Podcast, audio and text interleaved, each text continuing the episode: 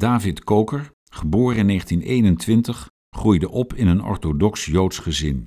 Zijn vader, Jezaja Koker, werd in 1937 kerkvoogd van de Lekstraat Synagoge. Met de Vereniging Joodse Belangen in Plan Zuid, Benij Tijmon, Kinderen van Zuid, had Jezaja Koker de bouw van de synagoge voorbereid. David bezocht het Vossius Gymnasium en begon in 1940 aan de studie geschiedenis. Die studie moest hij afbreken. De universiteit werd voor Joden verboden terrein. Hij kreeg een baantje in het culturele werk van de Joodse Raad.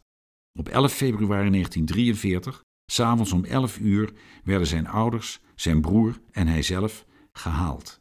Zij gingen naar het kamp Vught, een kamp met een merendeels niet-Joodse bevolking. Hier werkten ze voor de firma Philips. Philips Joden genoten enige bescherming.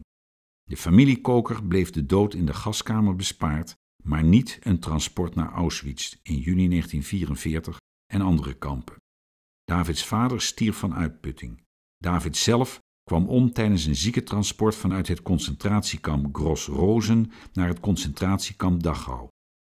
Het laatste bericht van David aan zijn vrienden in Amsterdam was een briefje dat hij dicht bij de grens uit de trein heeft geworpen en dat inderdaad op het juiste adres, K van het Reven, Toren op kade 116, Amsterdam Zuid, is bezorgd.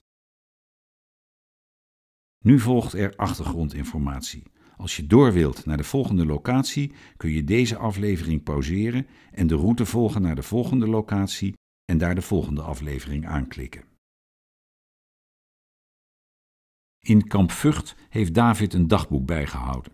Dit dagboek, noteerde hij op 6 maart 1943, reikt over de oorlog heen.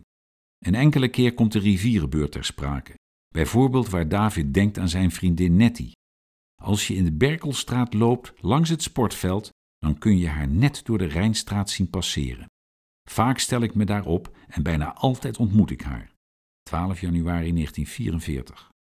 Het dagboek werd in 1977 gepubliceerd met een inleiding van Karel van het Reven. Een herdruk, uitgebreid met een nawoord van Davids broer Max, verscheen in 1993. De mensen dragen hier hoge petten met oorkleppen die de Joodse Raad hier al of niet tegen vergoeding ter beschikking stelt. Zondagse boertjes. Ik heb veel tegenzin tegen het model. Daarom is het mij nog steeds niet gelukt er een te bemachtigen, ofschoon ik er wel voor gelopen heb. Dagboekfragment uit Kamp Vught, 15 februari 1943.